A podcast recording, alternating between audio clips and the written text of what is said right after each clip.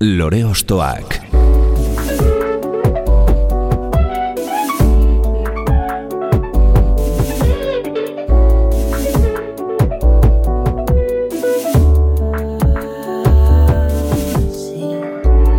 Ekain perezek aurkeztuta, gonbidatu bakoitza lore bat balitz bezala ostokatuko dugu. Jakiteko, zeintzuk diren bere lore ostoak. Haupa, zer moduz, ongietorri lore ostoakera. Badira talde batzuk, estilo edo soinu konkretu baten babesean, ibilbide oso bat egiteko gai direnak. Eta beste batzuk berriz, aldaketarekin edo soinu espazio berriak topatzearen zirraraz bizi dira gau eta egun. Horietakoa da, zalantzari gabe gaur abia puntu moduan izango dugun baionako laukotea. Hasiera batean, irurogeita amarreko amarkadako jarrokaren edo jarkorearen bidea hartu bazuten ere, urten poderioz, pop melodietatik gertuago ikusi ditugu, beti ere hasierako rock esentzia galdu gabe. Etiketa konkretu bat jartzea oso zaila egiten zaigu, bere proposamen eklektikoa entzun ostean, eta ziur gaurko atal honetan taldearen edo beinik behin jurgi ekiza beslariaren atzean dauden soinu iturri batzuk esploratuko ditugula. Hau lore ostoak da, eta gaurko gure lorea Willis Drummond.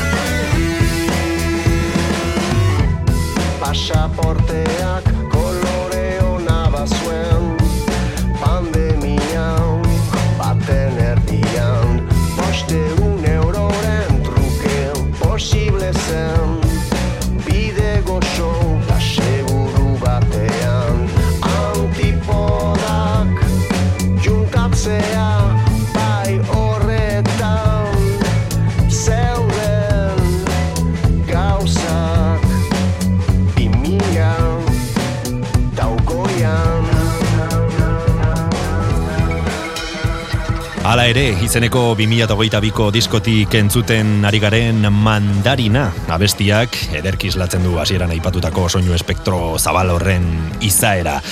Diskoari hasiera ematen dio eta kasu honetan ere gaurko bidearen lehen pausua izango da. Jurgi ekiza, ongietorri lore ostoak era. Ieske, eguran. Soinua zitzegin godugun oski, baina Willis Drummonden beste zaugarria ipagarrietakoa dira kanten letra edo hitzak erreibindikaziorako eta gogoetarako gonbita egiten baitute mm, kompromisu sozial baten ikuspegitik e, kontzentziaren e, bozera maile gisa edo zukidatzi dituzu hitzak, ezta? Gehienak. Gehienak. orain ere beste kideak ere batzutan proposatzen dituzte ideiak, edo euskaraz, edo beste hizkuntza batean, eta nik uh, kasortan itzulpen egiten dut. Aha, eta mandarina izeneko abesti honetan?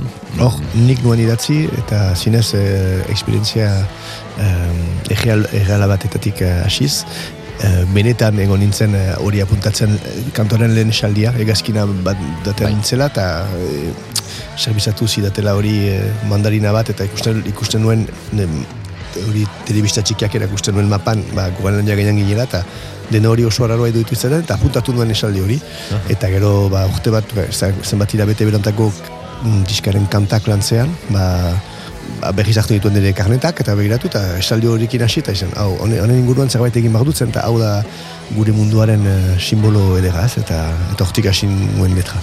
Globalizazioak ezari digun kontsumo mota bortitzaren inguruan, ez? Hitz egiten diguzu hori da, da hori alde batetik eta gero bakoitzaren kontra esanak ere aspimagatzea, ba, niunek oso kozientea naiz uh, gure arazo ekologi, ekologikoaz eta momentu berean segitzu dute gazkin hartzen, beraz. Hor ere bada bakotzen limitea eta eta ardura ere oso zaila da gaur egungo gizartean ustez jakitea norden ardura du norden noren kulparen hau edo hau eta eta bakoitzaren ekintzek balio duen ala ez, segun segun zertan zauden eta oso komplikaldo da, oso gai eh, koropil da. Bai, zaila da koherente izatea, ez hau da, askotan gauzak aipatzen ditugu, salatzen ditugu, baino hiru segundu pasa, eta gure bizitzarekin jarraitzen dugu eta jarraitzen dugu ba, e, bola horretan, ez? Bai. Bola horren barruan edo. Bueno, diska horren mira, ez ere esan, ez, ez dela hori hain grabea ere ez da lagia, esan dut bakoitzak ere bere kontraesanak mm. ditu, beren hola da, eta bizitza hola da, eta ustez,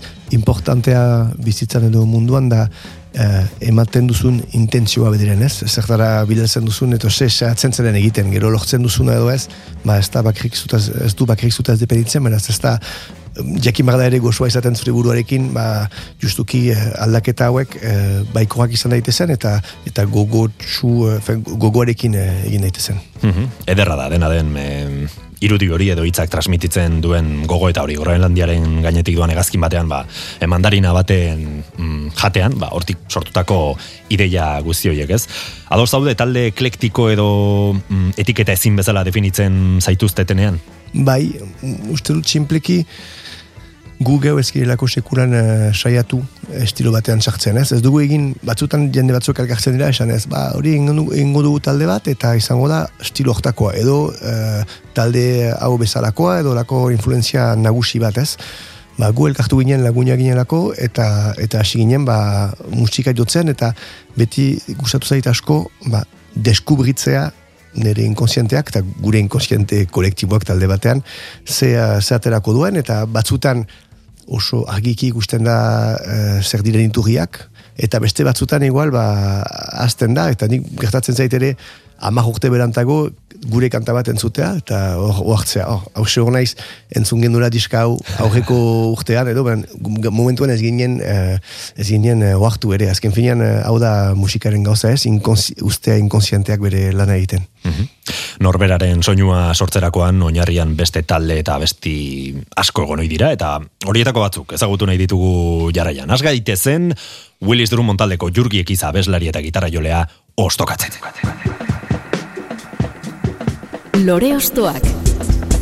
Eta zure lehen petaloa, bai gorriko hartzain laborariaren eskutik datorkigu, ezta?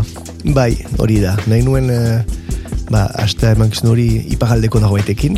Egia jateko, ez da influenzia bat izan dela uritu zat, hori argi da.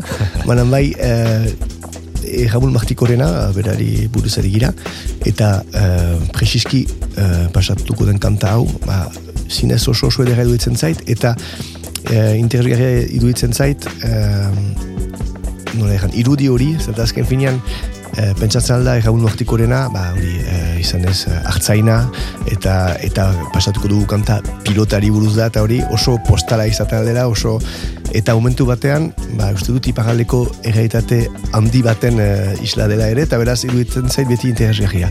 Baina gero, e, dut kantu hau bereziki super, super edera iruditzen zaidelako, eta gustatzen zait hainitz entzutea hola noiz benka, super fuertez, eta iruditzen zait uh, estribeioan erabiltzen egiten dituen berak irua hotz hauek, ba, badutela zabait oso magikoa, eta beraz, nahi nuen, ez dakit kantau pasada dila irratitik. Mm Askotan, aipatu izan dugu Euskal Herrian badela elkarrekin abesteko itura ederra, baina iparralean, are modu sutsuagoan bizi dela. Esango nuke, kantatzaren ohitura hori, zuk, bizi izan duzu mm, hori bera zure etxean, edo e, zure kabuz bilatu duzu musikarekiko edo abestarekiko harreman hori?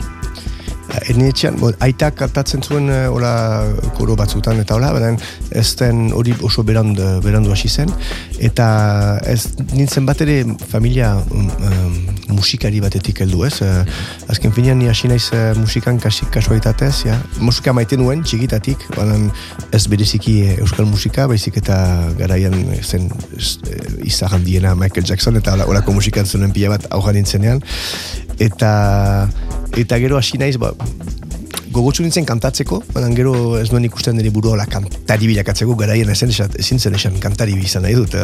Eta aldiz uh, etxean bazegoen gitarra bat, nire nahiak erosi zuena probatzeko eta zuen hainbeste erabili, olako gitarra merke bat uh, luzaideko benta batean erosita. Eta, eta honekin hasi nintzen, ba, piskat trafikatzen eta gustatu zitzaidan bereziki resonantzia hori. Eta beraz, hortik hasi nintzen musika egiten, baina ez, uh, ez den bateri familia historia bat izan. Mm Erramon bada adibide oso eder bat, musikarekiko harremana horretan, ze berak beti esan izan du hartzaina dela lenik eta gero abeslaria hau da abestea lanbide baino bere izaeraren parte dela esan dezakegu, ez? Bai, eta batez ere uste dut euskaraz kantatzea. Hori da. nik ere askotan izan dut hori, ba, gero eski kontatuko dut beste momentu batean, baina bai ni euskaldun eh, berria naiz, euskaldun zahar eta berria naiz, euskara izan da nire ama izkuntza, eta gero galdu dut eta berriz ikasi. Mhm. Eta beraz, askotan galde egiten didatenean zergatik euskaraz kantatzen dudan, egia da, ezin dut esan, ba, hobeto konturatzen dudalako eh, hizkuntza, edo nire hizkuntza natura delako, naturala delako, zenta erritzatek egia, azken finen frantzesa badakit hobeto mm -hmm. eskola baino. Baina bada zerbait oso, oso fuertea dela, piskat nire hizkuntza intimoa dela edo, eta kantatzeko momentuan, ba, behar asen dut Euskaraz egiteko eta ez frantzesez. Eta, eta dut, hortan, igual, bat egiten dara erramunekin, badela olako zerbait, sinez lotua dela gure nortasun sakonari, eta Euskara hortan da, nortasun hortan, eta, eta kantatzea da, justuki nortasun sakun hori kanporatzea eta, eta, bara. bai, bai. Ba, entzun dezagun, hau guztia esan ondoren, Erramun Martikorenaren haotxean, pilotarien biltzarra omendu zabesturiko laida pilotaria, mila bederatzen deruro gita emezortziko, bai gorriko hartzain laboraria diskotik, jurgi ekizak ekarri digun kantua.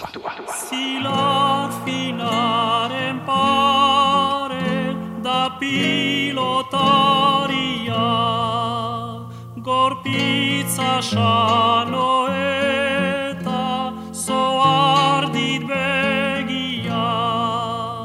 Cercatzen du leialki plazan jokatzia Bere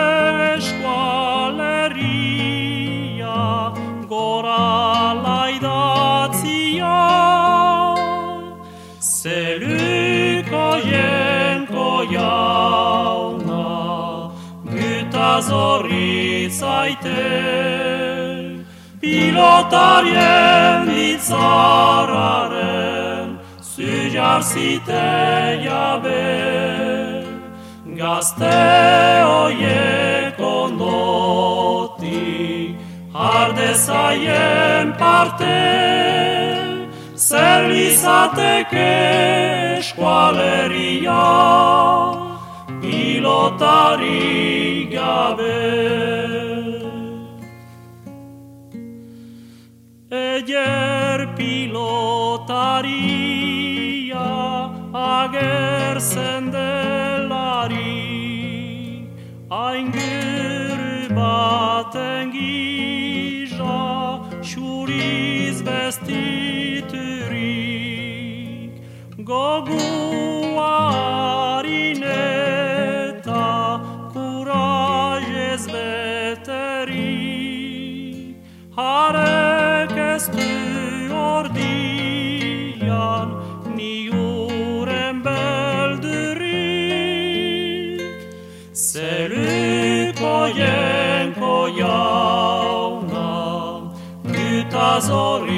zaite Pilotarien bizarraren Zujar zite jabe Gazte oiek ondoti Arde zaien parte Zer lizateke eskualeria Pilotari gabe. Perkainen denboratik baieta orai da Plazetan zumbat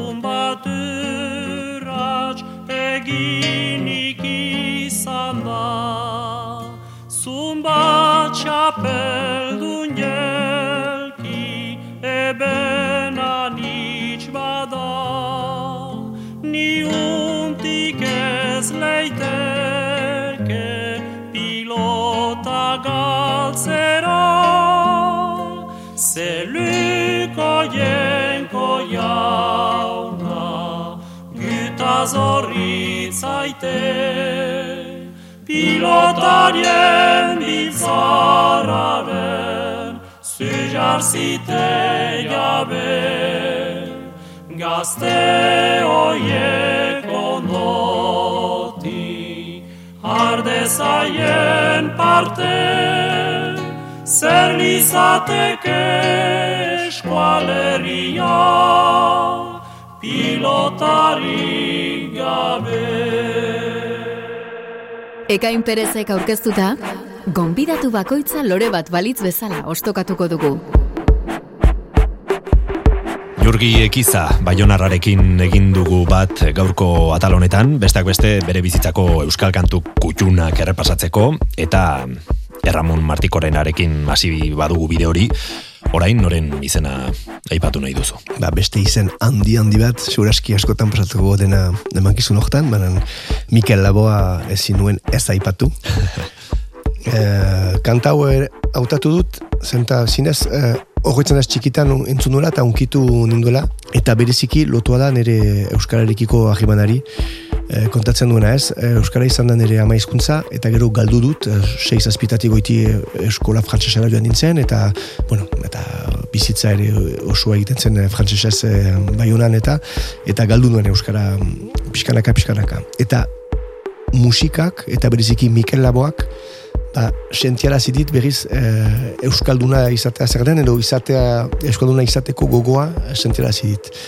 Eta beraz, entzuten nuen Mikel Laboa, etxean, ba zeudelako, a, amak zituen vinilo zahar batzu, eta beraz, entzun nuen hori bat iru e, disko hori viniloan, benetan, ba, garaian ez zelako beste aukerarik musika entzuteko, entzuten zen edo pizten zen irratia, edo da. entzuten zen etxean zeuden diskak ez. Eta azken finean, ba, hasi nintzen eh, diska hau anitzen zuten, eta zinez, ba, biziki unkitu esan nintzen, eta noski garaian eh, egiten zen anitz, eta guk segitu dugu gure diska guzitan horrela egiten gurizekin, ba, itzulpenak zeuden, eta beraz, letrak ere ulertzen dituen, eta Mikel Laboak eman zidan gogoa, ez da, eman zidan aukera berri sentitzeko euskalduna, pentsatu nuen, ni ere, ba, berarekin bat egiten dut, hor hor naiz, ez dakit, badu zerbait a- a- aman komunean tipo honekin, eta beraz oso oso importanta da bibidean, zenta uste dut Mikel Laboa gabe ez nuela hori sentituko, eh, izan ziren beste bidilo asko, eh, etxan bat hautatu behar zen, baina bai baziren Imanol Lertxundi eta olako, olako diskainitz, baina eh, azken finan aitamek ez duten beste entzuten musika, beraz hor zeuden, baina zen pixkat altsok bat uh, aurra- aurrok uh, deskubritu duguna pixkanaka, pixkanaka, eta, eta ni Mikel Laboarekin ba, flipatu nuen pila bat, eta, eta bereziki kantu honekin, Eh, diska osoan badaude olako nasketa bereziak, zenta bada zerbait oso euskal kanta dena, eta momentu berean ba, kantu batzutan hor eh, sartzen ditu gitarra elektrikoak, eh, bada leketxo bat oso berezia eta gauzak. eta hor ere badu eskusoinu bat hor eta ez dakit, duetzen zait super super edera, eta, eta hori, behar, batzen zidez zerbait markatu nauena lehen urtetan, Mikel Laboa zen. Mhm, musikaren indarra eta garrantzia, ez? E, hizkuntza baten ba, mm, idiosinkrasia guzi hori eh, sortzeko eta e, nolabait jendearekin konektatzeko, ez? E, Bai, jendearekin. eta uste dut, oi, bakotzak baitu, badu bere egeritatea, beren uste dut ipagaldeko egeritatea oroko eta beriziki nerea, zen azken filan nahiman oso gutxi genuela Euskararekin e, e, egunerokotasunean, ez? Zen gehiago, gehiago zerbait ola pixkat, ez iraganari, iraganari begira, beran bai, aitatxi amatxi etortzen ziren etxea, bai, hor bazen olako zerbait euska- euskarazta hori, ban gero eguneroko bizitzan, edo bizitza modernoan, irian genuela bai honan, ba, azken finean ezen, ezen praktikatzen, eta uste dut musik, musikaren bidez, lehenik Mikel Olaboren bidez, ban gero eh, beste talde askoi buriz, be, askoren bidez, la, lortu dut berriz konektatzen e, nortasu honekin, eta eta huartzea, ba, azken finean ez zela iraganeko zerbait, zen, zerbait bizit, bi, ebatxi zidatena eta berreskuratu behar duena. Amaren zilborestea, etetea edo moztea, gertaera mediku edo fisiko baten atzean dagoen eh, simbologia guztia azalarazten du abesti honetan Mikelek hartzeren lumaz baliatuta eta bizitzaren lehen arau hori onartu beharraz. E, txoria txoriren mezu antzekoa helarazten digute, hau da, maite dugun horri bere bidea egiten utzi behar zaiola, ezta? Bai, eta hau da beti asko gustatu zaidana laboren kantuetan, badako, bada olako mezu bat poetikoa eta momentu betan oso filosofikoa edo, eta bakoitzak hartzen du bere interpretazioarekin, eta et, baina bai bada zerbait oso, oso oso konkretu momentu berean, zenta, Hori da. zenta denok sentitzen dugu hori, eta hori super fuertea da, ba, bai. Eta gero uste dut mezu, ba, musikak dola mezu azpimarratzen, eta laguntzen joan hitz, eta hor izan zen konexio bat ere bi hauen artean, ba, hori oso zela hitzatekena berriz errepikatzea. Hori da askotan hitzak idaztaren mm, sekretua, ez? Egunerokotasuneko gertaera gaztertu eta atzean dagoen guztia mm, modu polit batean azaltzea, ez? Bai, nik uste dut, anitzetan esaten dut, bat berezikin ere letrak aipatzen dituztanean, ba, euskat, orokorrean letrak nahiko irunak eta hori, eta uste dut hori dela m- musikaren, kantuen eta orokorrean artearen kriston poderea, dela gauzak hartzea, gauza irunak hartzea zure baitan, eta kanporatzea, eta honekin zerbait eder, edo, edo bederen eh, sozialki eh, onarkarria dena, ez? Azken finean, ba, eta honekin egitea zerbait, eta azken finean, eh, hau da, kriston lujua, da zerbait, zerbait uh, atxiki beharko genukena guretako um, eskorra baita, edo kanporatzen bagenu, ba, mina emango genuen gure inguruko jendeari, baina musikaren bidez, edo artaren bidez, ba, badugu derechoa hori kanporatzeko, eta eta kontrario inguruko jendea eh, ibiltzen da txaloka eta esan da. ongi eta beraz hau da hau da bai kriston poderea eta horrek eh, um, askapen sentimen bat edo sortu sortzen duen hitztan bai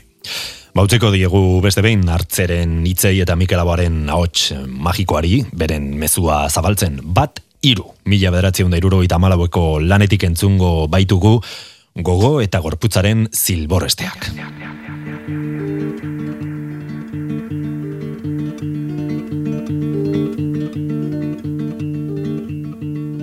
gogo eta gorputzaren zilboresteak. Bikate.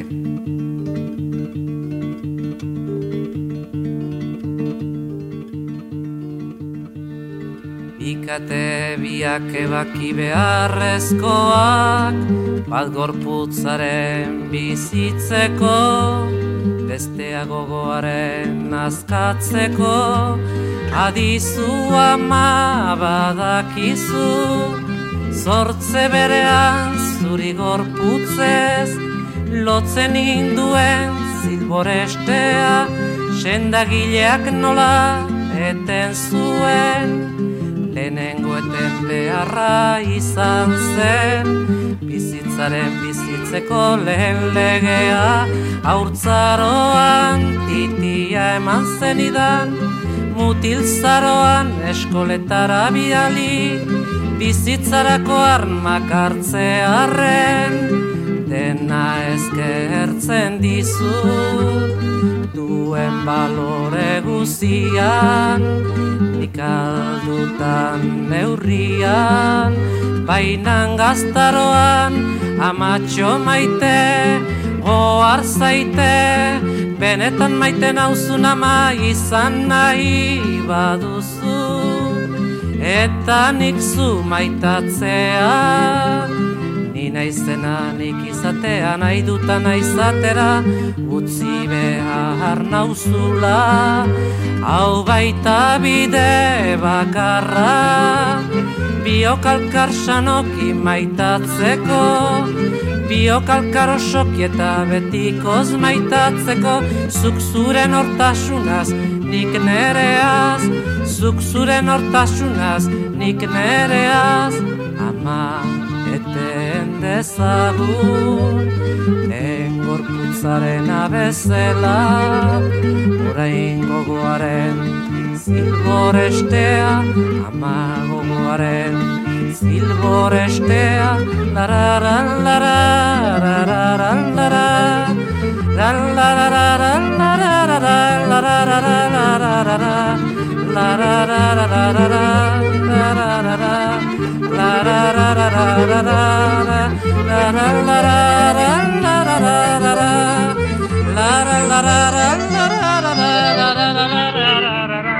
Mikel Aboaren soinu imperfektuen perfekzioaz busti ditugu gure belarriak Willis Drummondeko jurgi ekizak ekarri digun proposamenarekin. Eta gehiago nahi dugu, beste proposamen bat eskatuko dizut, Jurgi.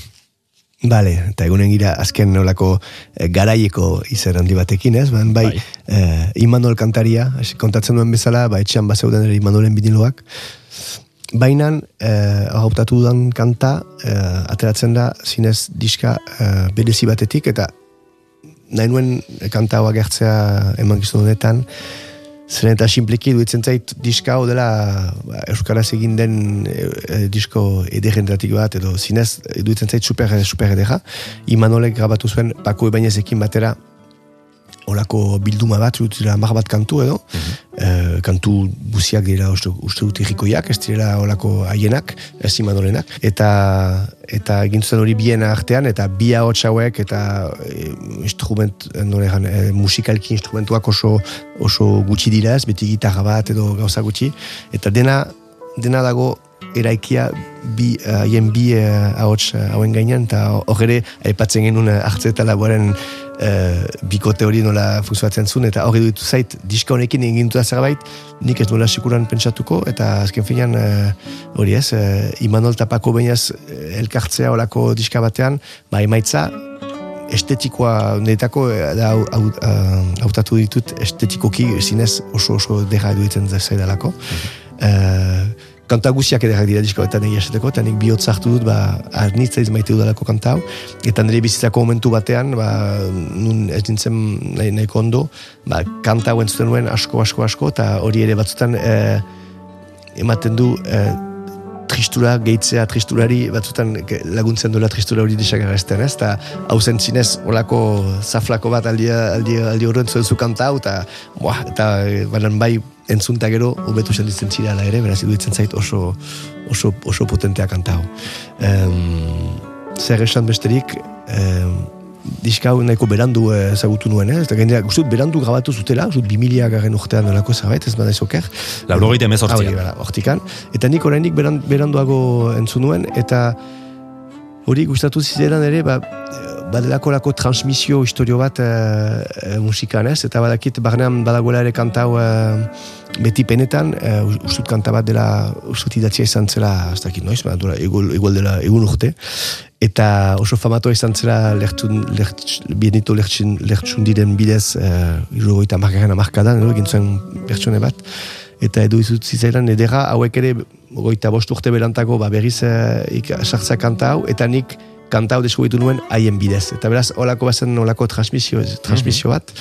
Eta nik gaur egun parte hartzen dut musikariak ikastetzetan zikloan, beraz ikastetzetan parte hartzen dugula musikari batzuak eh, aipatzeko musikata hori, eta askotan gustatzen zait ere eh, nik ere kantatzea kantau eh, ikasleai, ba, ez dute hauek bezala impactoa izango zen eta ez da eh, diska bat hori, benen bai, gustatzen zait eh, nik ere nire parte egitea eta segitzea ba, ogoita bost urte beranduago behiz ere, mm ba, nik ere kanta hau erakusta bat zua, entzutera sekulan entzun, eta igual haien artean izango da bat, ogoita bost urteren murian eh, mango dula berriz kanta hau, eta, eta beraz eh, gustatzen zait. Transmisio hori mantentzea. Bai, hori beti pedetan aipatzen du, man, baina orain duguna bihotza da, eh, hau da kriston, ez dakit, ez dakit ere den kanta noizkoa den, da bakarrik eh, bihotza, ene bihotza onkitzen duela, eta zinez eh, kanta bat entzun behar dela, ustez. Gustatu zait asko aipatu duzun sentsazio hori nik uste denok bizi izan duguna, em, hau da, triste zaudenean, kantu triste bat entzute ez, kasu honetan ba, Bai. bihotza izan daiteke bezala, eta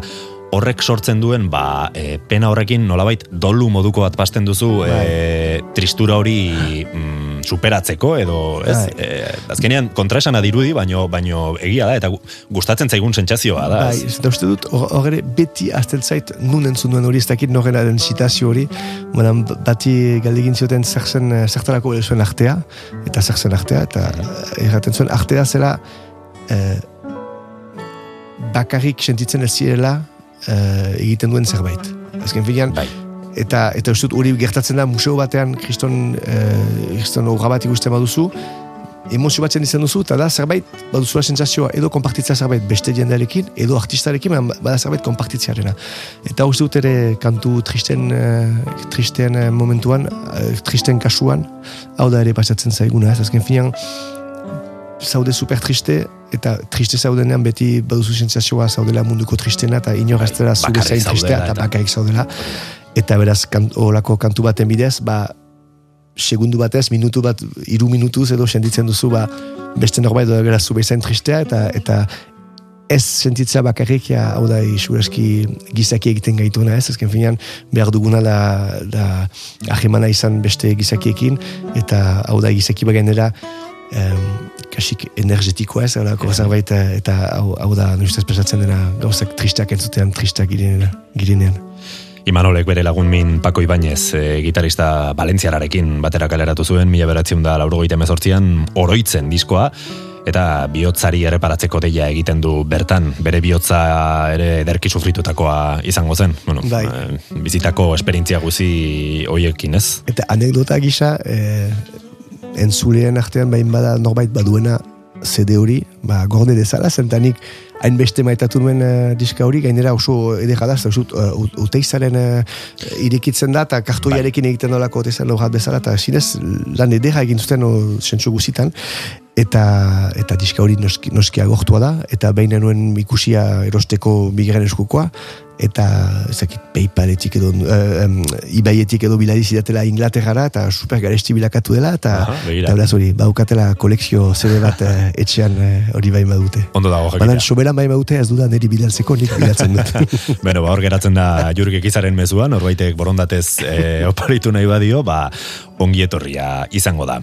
Iman horrek, 2000 garen urtean, Euskal Herritik kanpo alakantera bizitzera joateko erabaki hartu zuen, joies, ez izenaz ezaguturiko Maria Dolores González Katarain eta kide hoia, Etak berak traizioa leporatu zerail eta gertaera hau kondenatu ostean jasotako presio irain eta mehatxuetatik iesi. Bertan, hori huelan hiltzen, kantu hau abestu eta sei urtetara. Entzun dezagun, bihotza.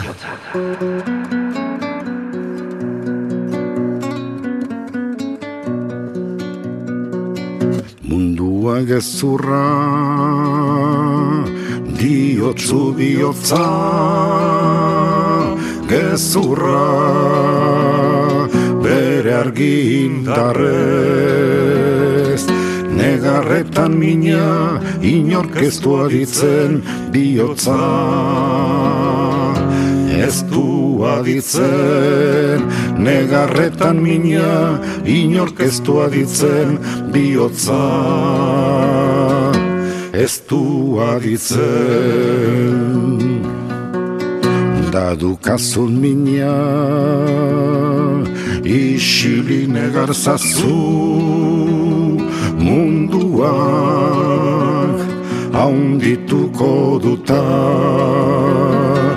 Inork ere lagun ez zaitu egingo inori Ezer ez esan. Inork ere lagun ez zaitu egingo inori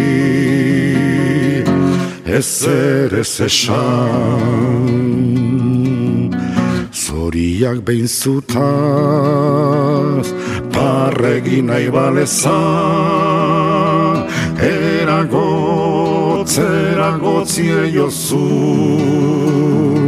Barruko penakil, Espainietan parrea kanpora, kanpora,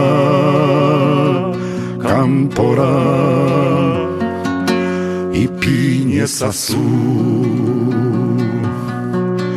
Jainko gorde hoiek, ez zaituzte gurtzen nik, zuek ere, hilkorrak zerate. Eta ezer ezera, segurki zoazte, ez bai zerate. Eta ezer ezera, segurki zoazte, ezer, ez bai zerate. Lore Ostoak.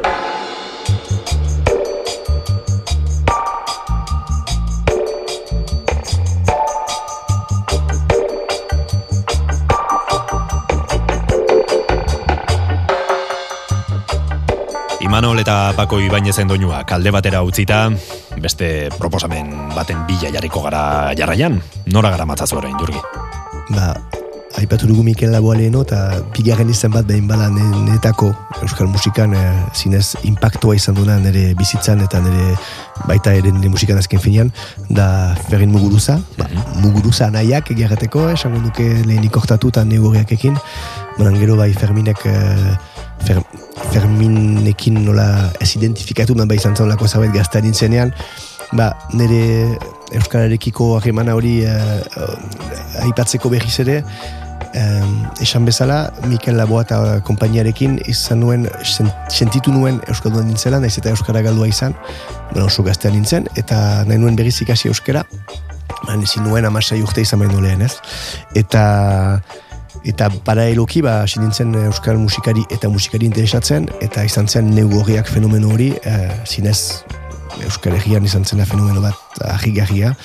Eta mm, eta gotzen ez oso ondo ba ez bai zoker mi mila beratzeun eta largoita amabostean largoita amaseian eh, etorri zen neugorriak jotzera bagunara eta hau izan zen em, ikusi nuen lehen makro kontzertua edo ez, kontzertu eta horretzen ez hori ikusi nuela eta hortik erabaki nuela nahi nuela talde bat montatu, nahi nuela, musika, musikari bilakatu begira. nahi nuela hori egin ja, tal, lagunak bildu, talde bat montatu, ezera toki baten egon, kantak egin, eta horrela baki nuen ere nahi nuela egin hori euskaraz, ez? Eta horaz, ez bai zokeago, bi igual da historio bat nire buruan bilakatu da oso romantikoa, baina garai eh, urte, Bai. urte berean edo ondoko hilabetetan, ba, san ezagutu nuen um, um, liceoan, institutuan, San Bidegain, nirekin jar, jarraitzen nuen horrendik uh, Uriz Romonen, eta elkarrekin uh, montatugunen gure lehen talde, eska talde bat, hola. Ah, begira, Et- ska bai, bai, egiten zen bai, bai, hasieran. eska, eska punk izan zen olako, olako fase bat. Eta, beraz, hortik hasi ginen, bai, eta beraz, bakatu, on, kontzertu hori ikusita gero, negu horrekin kontzertua ikusita gero, ondoko urtean, beraz, uh, san ezagutu nuen, lehen taldea montatu genuen, eta izena eman duen nire ekan, eta hasi nintzen uh, Euskara berriz ikasten, eta beraz, hortik hasi nintzen nire bizitza berria, edo, zakit, gaur egun dudan bizitza bederen, hor hasi zen. Eta beraz, ja, argiki, esate dut, aldudan bakoitzean, ba, eskertzen ditut oraindik eh, Ferminet, bo, eta inigo eta negurriak guziak, baina Fermin bereziki, ba, gogo hori eman, em, emanagatik ez, eta azken finean, eh, eh, hortik, ba, nire bizitza oso aldatu da, eta, eta uste izan dela zerbait biziki importantea nire, nire bizitzan. E, kantatu dudan kanta, ez da ez negurriakena, ez kortaturena, e, zenta haien bi talde, eh, talde hau ez gain, ba, ondotik ere asko entzun nuen Ferminu Guruzak egin zuen, atera zuen lehen bakarrako diska, eh, lehenik dutekin ere egin zuena, ba, asko maitatu nuen, baina gero bai atera zuena hori brigadistak izan zisten, ditu ziten kristona. Eta inigok bere aldetik egin zuen Jose Lipiau, hau zinez, nire ustez da Euskal Herriko talde ondetatik bat ere asko, asko, asko maite dut, baina nolaz kanta zenbakia edo, Mugatua den. mugatua den eh, behar nituen hautatu. Eta beraz hautatu dut eh, Ferrin Muguruzaren eh, eh, neuroz kanta, ba justuki brigadistak sound system eh, diskan agertzen dena, eta hartu dut hau presiski ba, inigo muguruzak idatzi zuelako musika, eta nunbait badauka alako Jose Lipiau edo, edo sagarroen estiloa hola eh, Bai. kobre hauekin eta eta akorde trista hauek, baina bai zerbait dantzagarria, eta, eta beraz, ba, zen aukera biak aipatzeko kanta bakar bat egin, eta, eta hau da nire autoa. Mhm, Muguruza anaien inguru guzti hori nolabait e, omendu nahi duzu kantu honekin, ez? Noski, noski hori da. Bai. Okeraz banago, mila beratzi da lauro gehian jaiotakoa zarazu, beraz, e, kantu hau kaleratu zenean, zuk emeretzi urte zen euskan. E, Bai, e, izango izut beste anekdota bat, hogere batzutan, ez dakit, historia hauek hainbeste kontatu diz- dizki. Zidan nire buruari edo eraiki duzun Bai, hor, Hori behar, behar nuke ziurtatu ben, izut diska hau atera zera, eta ez dakit egun hortan atera zenek, zen, zenez, edo iritsi zenez e, baiunako e, matxin dendara, garaian zera oraindik ez mega denda hori, baizik eta denda txiki txiki bat panuko karrikan baiunan. Man, ez baiz okar, larun bata goiz batez, usut, justu ateratzen zera diska, joan nintzen e, erostera goizeko behatzitan, eta entzun nuen atope etxean e, goizian e, kant, diska osoa, eta egun hori zen, e, eguna garai batez e, e, gau eskolak eta beste elkarte batzuk kantuatzen zen gau esko, e, sagardo eguna baiunan, eta beraz, horretzen naiz, entzun nuen diska hau, eta gero iritsi nintzela guerditan lagunekin biltza eta hori, eta ari nintzen jenei e, es- esaten, ostia, diska hau entzun behar da, kristua da, eta zen bai, ez? eta beraz oso fuerte izan zen ere sentsazio hori, eta nola hasten den diska, eta ba, oso oso, bai, oso edera duitu zait diska osoa, uh, zinez urratz bat, ferin muguruzaren uh, ibilbidean, zinez zan da zerbait oso, oso, oso fuertea, eta kantao beraz, hori, bereziki inigo muguruzari eskenia. Iran, Afganistan, Azerbaijan eta Turkiako beste hainbat herrialdetan udaberriaren eta urteberriaren etorrerako ospakizuna izanik, eh, kurduentzat hori baino gehiago da. Herri erresistentzia mugimenduarekiko tradizio politikoa irudikatzen baitu neurozek. Horrela izena du. Fermin Muguruzak, mila beratzen da laurogeita emeretziko brigadistak sound system bakarlanean editatutako abestiak. Neuroz.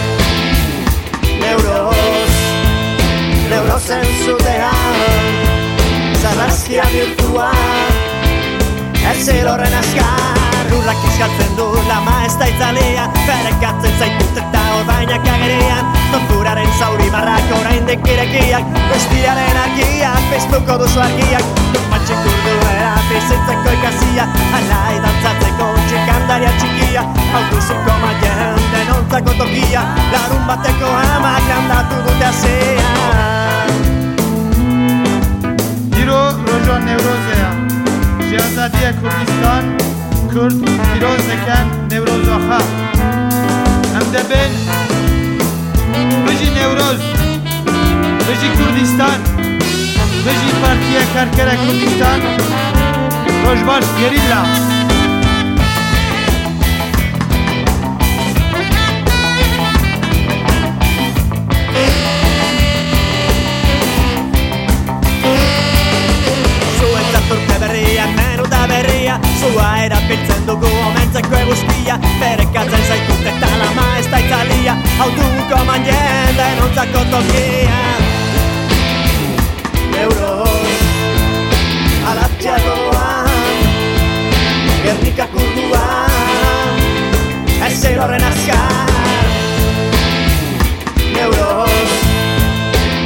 Neurozen zutean Zarrazkia bildua Ez horren azkar Let us speak when we speak. We seem to make you weak. We sing a song, it makes us strong. You drive turkey or oh, press a man feet. Your intimidation is plain to see. This is the people that you cannot see is uncharted, there is no trace. All that is seen is a vibe and a culture and a face. Kurdistan, this country, freedom. Peace now there is war. Soon there will be peace. Big, big bad Spain, chomping on the suppressed old man. The pain, the world.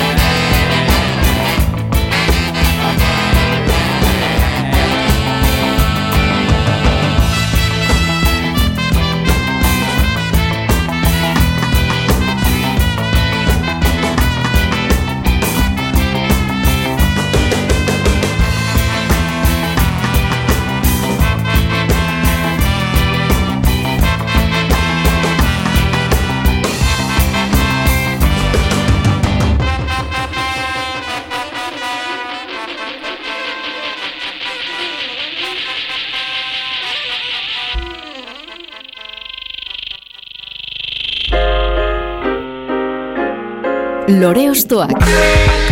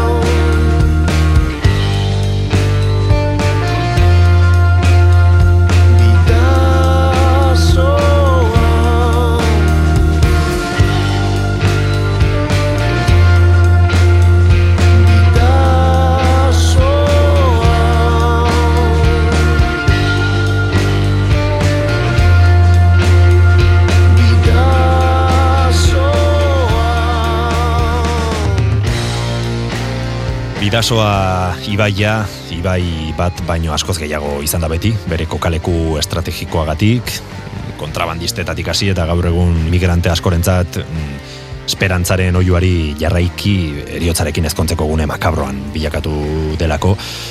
Zuek kantu bat eskaini diozue, hala ere 2008ko diskoan bazenuten arrazoirik horretarako, ezta? Bai, bueno, bidazoaren, bidazoa kantan, eh, letran, saiatu naiz nahi patzen e, bidazoen gurean daude bi erreitatez.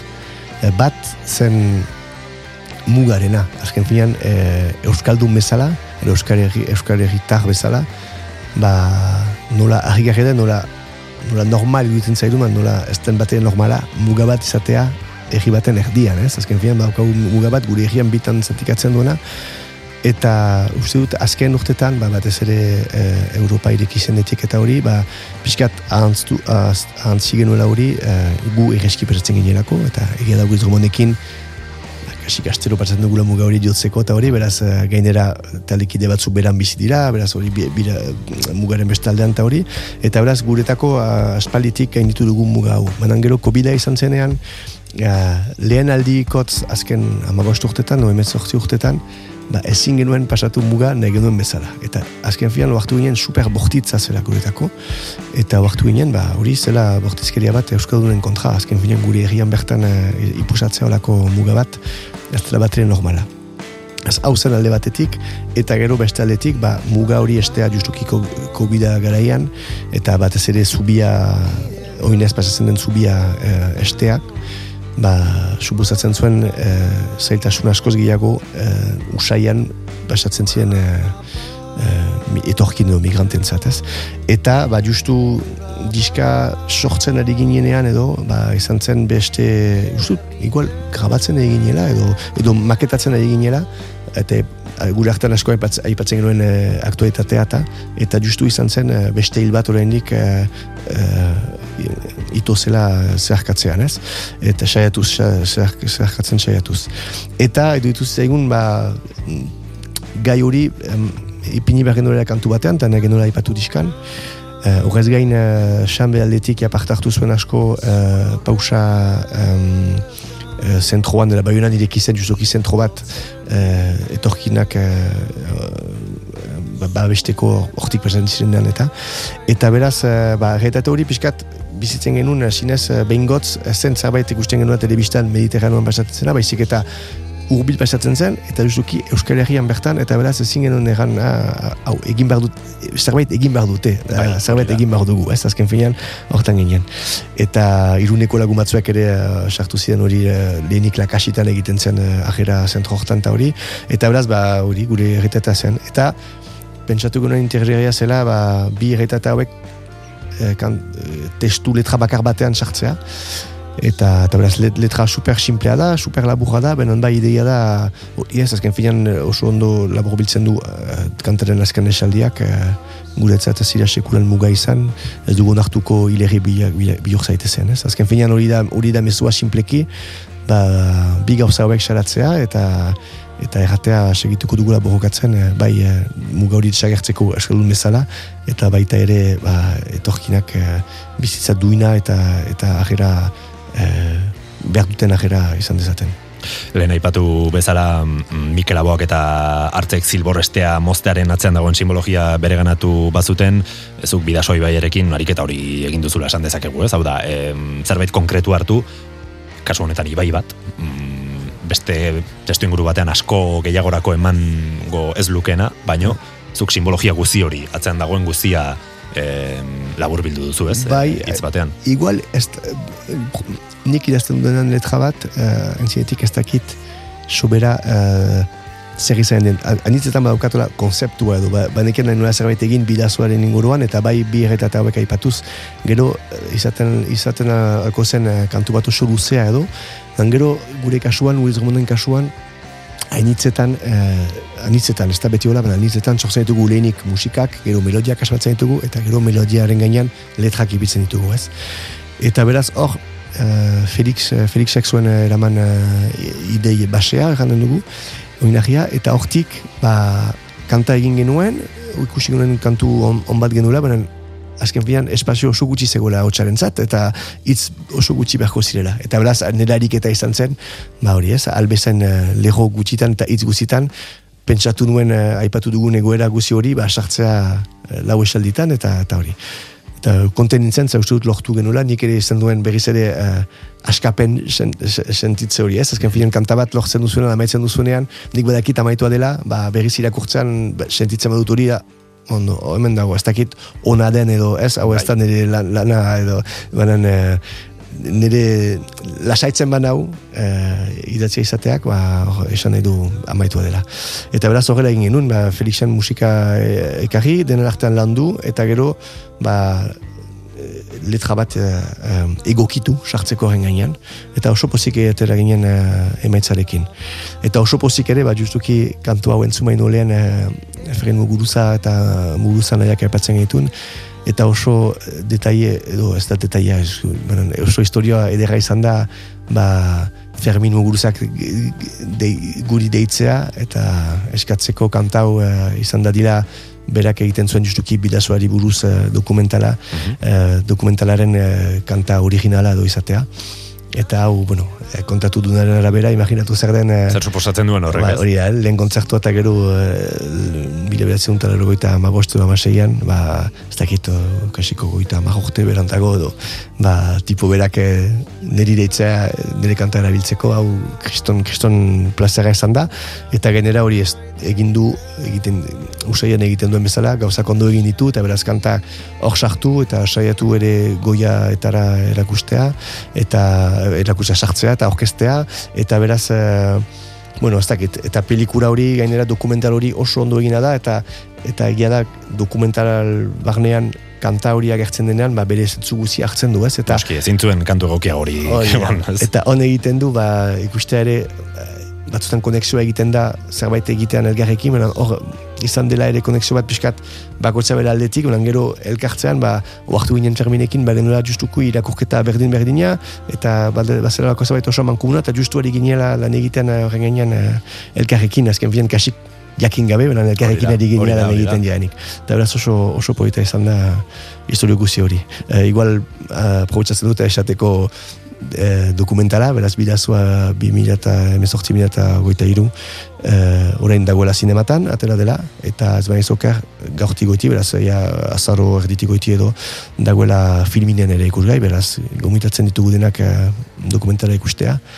Hau da joko ez, ideia da orain mezu hori albezen uh, urgun, uh, urgun joatea. Noski bai, zuek egin duzu zuen lana eta orain ba, gainontzekoek ba, mm, bide horri jarraipena ematea, ez? E, lehenik eta behin ikusiz, e, gero kontzientzia e, lanketa bat eginez, eta bueno, bakoitzak ba, alduen einean, e, Bai, e, soluzioa jartzea eta guzti hori. nik, zenta oso, benetan gainera dokumentala oso gu, esorta izan genuen eh, joatea zinemaldira lehen aurkezpenera, eta han, han deskubritu genuen denok, ez ginok ez zuen ikusi, eta eta benetan eh, dokumentala edera da, eta ideia ona da, eta ez dakit ez da, ez da bat ere gaia iluna da, baina oso ondo eramana da, eta, eta, eta musikak badu garantzia asko, beraz musika zalean ere eh, dokumentalak balio du eh, aldontatik. Zubiak eraiki berrean mugak ezartzearen alde egiten dute askok zoritxarrez, eta muga horiek askotan egon ohi dira ur gainean. koska loia.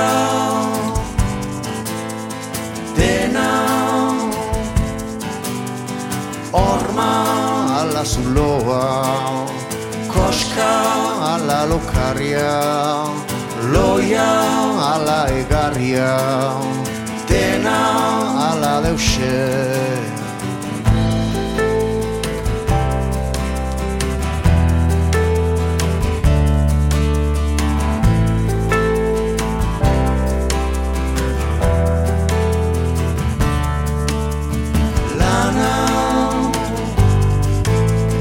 miseria. A meccia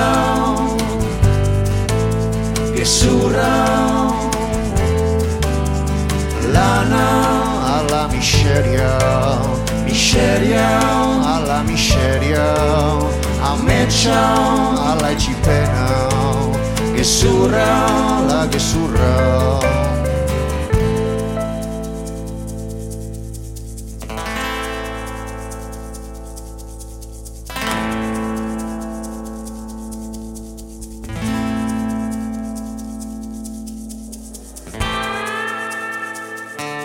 Biertzeen artean Itxasoa usteko Gogori gabe.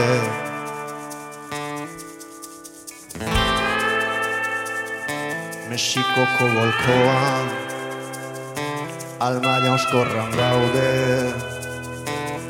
urgainean Antologi 2008ko diskoan aurkeztu zenuten okerez banago lehen aldiz, ur gainean kantua, baina 2008 bateko garai bereziendako kontzertu berezia. Zuzeneko bertsioan, beste non baitera eraman zenuten, ezta? Bai, hori izan zen, eh, ba, aipatu dugun dianik eh, COVID eh, urtean emaitza, ez, ezken finean COVID-a hasi zenean, ba, ipagaldean oso simple izan zen, eh, frantses estatu guzian bezala, eh, itxi zituzten areto guziak, eta egon ziren itxita urte bat baino gehiago. Ematen du haientzat kultura ez dela zerbait eh, importantea ez, eh, lehentasunik ez dela. Eh, hemen Euskal, Ego Euskal Herrian, ba, nahiko laster izan zen aukera hori ba hasi ziren egiten e, kontzertu batzu antzokietan, e, gela etxietan, aforo erdi batekin, eta ba, banan guk, ja, nolaz e, maite dugu jotzea eta ez dugu maite etxean egotea, ba, postu ginen eta esan genuen, ba, guk ere parte hartuko du horrela eta ingo ditu kontzertuak. Ba, negia da, ez genuela ikusten gure burua, beti bezala jotzen, jendea behin bazen eserita eta ka, maskara batekin aurpegian, ez? Usukoarekin aurpegian. Beraz, ba, elabaki genuen gure, gure repertorio guzia berriz lantzea, eta hola atera zen e, kontzertu osoa, beraz, deitu genuna garai bereziendako kontzertu berezia, eta haien artean e, guk gainean. E, Eko intergerra da ikusteak zuk hautatu zula kantauz, eta hor gainean zure da e, e, gure ibilbidi guzian gehien jo dugun kanta. Uste dut, kont- kasi kontzertu guzitan eh, sartzen dugula, naiz eta gauza asko aldatu, normalki kanta hau egoten da, eta nolaz lehen diskantzekoen, ja eski gehien jo dugun kanta hau da, eta, eta posta naiz bertsune hori gustatu bazaizu. Mhm. Disko honetan berriro iruko izatetik lauko izatera pasaz zineten, ezta? E, Vincent Bestaben gitarrista eta teklatu jolea zuen disiplinara gehituz. Hori da, azken finean erabaki genuenean eh, zerbait egitea hola akustikoan edo unplugged modukoan, eta akustikoa akustikoa ez da, ez? Bueno, bai, entzun dutena, ba, badire distorsioak, badira gitarrak eta teklatuak ere badire. Baina, eh, ba, er, hautatu behar genuen edo egitea irukotean, zenta aurreko diskan, zugzbang diskan justuki irukotean ginen, eta horrela orkestea, edo e, pixkat aberastea proposamena ez.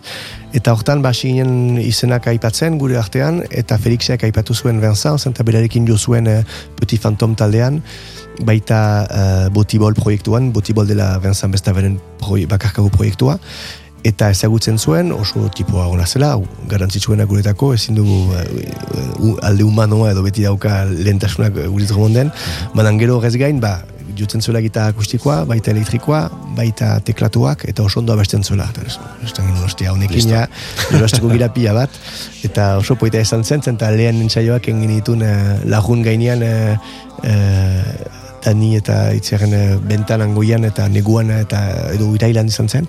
Eta izan genuen aukera olako luju bat ala pasatzeko zenbat egunan e, kanta hauek kanta hauei bizitza berri bat ematen, ez? Eta super interesgarria izan zen, e, hortzik bira oso bat egin genuen, zakit berroi bat data gutxi gora bera urte batez, eta bitartean ba, elektrizitatea itzuli zen, eta, eta ba, genuen derecho berriz jotzeko elektrikoan, eta naturalki ba, projatu genuen Vincenti segitza gurekin, eta eh, hautatu behar zuela edo, segit, edo utzi orain, edo segitu, ben segitzen balu diska berri eginen genuela, eta beraz ondoko bira ere egin beharko zuela osorik eta, eta beraz segitu animatu zen, eta beraz eh, orain arterago gurekin. Mhm. Zer kontatzen diguzu kantu honetan? Zer dago urgainean? Ja, hor gainean hau zen pixkat, eh, ba, hori aspalditik idatzi nuen, man, ideia zen pixkat aipatzea, eh, nola beti sentitzen gira behartuak, eh, behartuak girela hautatzea ez, eh, alde bat edo bestea, eta batzutan batzuei gustatzen zaigula egotea olako erdibide batean ez, eta, bueno, badira olako komplikatu da irudi asko dira eta behar dituke buruan izan, beti da hori, ez? Azken finean eskira behartuak beti izatea bat ala bestea, baina bai ba, badugula diretsoa ere egoteko lako erdi batean, eta batzutan horrengatik eh, jendeak edo batzuek eh, epaituko zaituzte, eta azken finean ez duzu esaten eh, horkoa edo horkoa zaren, baina azken finean diretso duzu ere hor egoteko ba, urgainan, eta hori amaitzen da ez? Eh, Mexikoko golkoan eh, urgainan hori da pixkat egotea estatu batuan, eta eh, hori zen pixkat ideia, baina hola, est, estatu batuak eta Kuba zaudela, hola, eta Aha. zu zaudela holako Mexikoko golkoan hor, eh, eta eta beti ez zirela behartua hautatzea Bai, hori, eh, horretan ultrakapitalismo eta eta eta komunismoen artean edo eta et, hori olako ideia irudi bat beren bazegon gainera ni oso zale, zalea edo jarraitzalea izan nintzen eh, mugimendu zapatiz, zapatistatik eta beraz iruditzen zitzen justuki mugimendu zapatistak bazuelako erdibide bat edo beste zerbait e, ateratzen zera betiko hori eh, eh, gauzak binarioak izatea eta, eta, eta beste bide bat irekitzen zuela eta hori oso integrera dutzen zitzaidan eta beraz hori zen pixkat ideia horren, horren atzean. Bueno, nahiko ondo oroitzen duzu, ze 2007koa da bestia, e, hori, hori gertatuko da, ez? E, urteak pasatzen doazen nenean, e, perspektiba e, horretatik, ba, gogoratzea, ostras, ez zer nahi nuen esan e, 2007an, ez, honekin, eta, bueno, egia asko kantatu duzu eta justuki aipatu duzu kantu Bai. dela gian gehiena bestu Bai, duzuena, bai, orduan, bueno, hori mantentzen duzu freskotasun hori, ez? Baina, Bai. claro, 2007ko jurgiek izatik, ba, gaur eguneko jurgiek iza, ba, e, asko aldatuko zen pertsona bezala, Bai, ez? Eta, aldatu naiz, eta momentu berean, igual izango da ere justuki nire direlako olako, olako iritzi etxi batzu, ola, Bai. batzu, eh, esaten dutena hori eh, hola da eta hori hola. Man, ez dut uste bat dutena kanta bat, eh, orain irakurtzen duna, eta esaten duna, "Ostia, ez naiz gehiago ados eh, kontatzen dunarekin. Uste dut, gorokorrean dena gelditzen dela, azken finean da, bai, ez dakit, adierazpen bat da, naizenaren adierazpen bat, eta naiz eta urteekin aldatu pixkat, uste dut, persona bera naizela, eta eta uh, bueno, niretako o, seinaluna da zen, eta esan nahi du nahi, nahiko konektatu nintzen da. aspalditik sentitzen dunarekin eta lortu dela pixkat uh, hitzak atzematen hori esateko. Baina bai, uh, ez dut ez dut konfliktorik nire aurreko kantuekin beden. jarrai dezagun, jurgi ekitza ostokatzen. Ekain perezek aurkeztuta, gonbidatu bakoitza lore bat balitz bezala ostokatuko dugu. Lore ostoak. Eta zure soinu nahi zoroimen lorea biluzten jarraitzeko, beste kantu eta talde bat behar dugu, Jurgi. Bai, hor da talde bat oso oso importantea izan dela nire bilbidean, eh, justuki letren gatik edo letren giroen gatik eta eta bereziki musikalki ere ba, hau bai esaten dut influenzia eh, importantea izan dela nire, nire musikantan nire bilbidean eta bai ere, baita ere Uriz Romonen musikan ustez. Eta hau da Lixabo taldea um, hau, zinez izan da zaflako bat nire bizitzan eta justuki ba, siginela rock uh, uh, eskapungetik rock egitera edo uh, gure influenzia gehienak ziren uh, Amerikarrak eta eta grunge mugimendua eta horako gozak eta ez nuen atxematen manera bat uh, sentitzen duena kantatzeko eh, entzuten duen musikaren, ez? Ez dakit nola ejan hori, baina entzuten duen musika bat, mota bat, eta ez duen ikusten nire burua hortan kantatzen, eta gauza batzu ezin ziren horrela transmititu. Eta lixabo entzutean, ba, bazen olako ahots hori eh, bat bereziki eh, jabita eta txa, txapen ahots hori eh, zinez oiukatzen zuena eta eta pentsatzen nuen, nik ere badu deretsua ez genuen metala egin nahi ez genuen olako ahots hola metaleroak erabili baina bai ba, sentitzen genuen nik sentitzen nuen oiukatzeko eh, behar hori. Eta lixabo entzutean pentsatu nuen "Ah, azken finan posible da, bakarrik utzi gauzak ateratzen eta ez e, e, aterako da eta, eta oiukatu eta zu, duzuna hotxarekin, ez beste hots bat uh, imitatuz, ez, kopiatuz. Eta, eta beraz hau izan zen uh, influenzia bat, eta pixkat aldaketa bat ere nire, nire kantatzeko maneran, uh, musikairki ere ba, izan zian nolako gitarra soinuak eta asko asko maitatzen nuen. Lehen diska, gaina txap ezagutu genuen, ezagutu genuen pertsonalki, Beraz, Carlos Osinaga, uh, Lixaburen uh, basua zena eta gero gitarrista, eta diska pila bat grabatu zituenak. Eta justuki gure, gure lehen uh, uh, ska punk uh, taldearekin eh, partu hartu genuen eh, bilduma batean, nola, eta kantak grabatzen gitu berarekin, eta beraz ezagutu genuen. Eta behin grabatu genuela bigarren beste talde batekin, berriz ere berarekin topatu, eta eta esan zigun, ostia, eta nik ere eh, nire taldearekin lehen, lehen diska aterako dugu orain, zakit, eta, eta erosi nuen, tipoa ezagutu nuelako, eta ah. nuen entzune egiten zuna, eta maite mindu nintzen taldearekin segituan, flipatu nun, eta hau bilakatu zen bizkat idolo bat eh, bezala ez, ara niretako, eta momentu berean oso lagun bilakatu gira, eta berarekin ere grabatu genuen uh, gure bigarren diska, hori da izanekoa, baita ere alabe uh, ez genuen berarekin nahasimenan bai grabatu berarekin, eta beraz ba esan gira hola pixkat bide lagun bideo osoan, eta da tipo bat momentu, momentu berean ikusten dela hola eh, goi mailako eh, norbait bezala pixkat eh, un, unkiezina eta momentu berean da lagun horbil bat Oso eta, bai, eta hori dutzen zait sentsazio hori oso, oso gozoa da. Um, hautatu duen kanta ez da lehen diska horretan atera, baizik eta uh, uste dut, estatu espainolan atera zen uh, uh, akuarela uh, disketxe bat da uste dut. Eta atera zuten olako hiru kantuko uh, uh, EP eder bat, superpolita.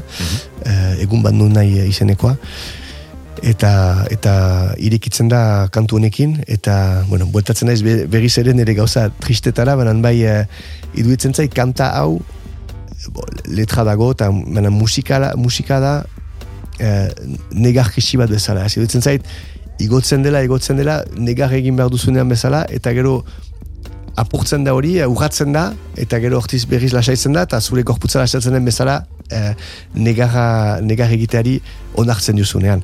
Eta beraz, eh, ez dakit, eh, esaten dut ere kanturak lagundu nahuela igual eh, negar egiten ikasten, eta eta uste dut importantea dela negar egitea. Mhm. Lehen bidasoa ibaia mm, aipatu dugu beste testu inguru batean, beste e, tematika edo gai batzuekin, Eta bidaso ibaiak ere badu ba, bere alderdi musikal hori, ez? E, ibai baten inguruan, jo, e, musika e, balin bada, hori bidasoa ibaiaren inguruan da, ez? Bai, eta bazen kasikola estilo bat bilakatu zen, ez? Bazen... eh, dut Bidasoa sound moduko, Bai, horako edo? bateria jotzeko, bueno, izan zen ere galder izagiren eh, eh, ondorioa zorazki eh, nagusiki, benen bai, bazen lako kasik deitzen genuen hori bateria jotzeko manera hori pixkat eh, bertako estiloa zela, eta gero, ba, noizki, aipatu genuen irun, hori muguruzekin eta eta abar, eh, ondarribi beraz eh, dut eta eta beste taldo, talde asko, eta Xabiz Truber eta hemendik agurtzen dela ere eh, aspaldikoa, berarekin egin eh, parte hartu nuen zuraren diskan ere, eta, bueno, izan zian nolako, izan nuen suertea bizitzeko hori, ez, justuki eh, ondarribiko taldean erreitate hori, psilozibeen ensaiatzea, eta, eta bueno, oso, ba, izan da beti beti bizi eta gero bidazoz egitu zere, jaten duzu bezala, bera, beratik ere pasatzen da, eta bera da, argi bat, argi da, nola, erri, ondako erri hain txiki batek, hainbeste musikari eta musikari on eh, eskatzen dituen, beraz, bai, bai, igual eh, bidazoak izango du zerbait bere uretan, igual, zerbait, bai. bai, izango Asko, du, askotan esan izan diete, hemendik pasa direnak, e, ba, bueno, bera edo irungoak edo em, zer duen ur horrek, e, edaten duten ur horretan zer dago edo pozio magikoa izango da, hori da. bai, segurazki, bai, bai. Bada zerbait hor. Bueno, ba, gau minean kantua ekarri duzu, egun bat non nahi, e, 2002ko diskotik, eta beraz, horixe entzungo dugu, hau da, Jurgi Ekizaren eskutik, Lisabo. Thank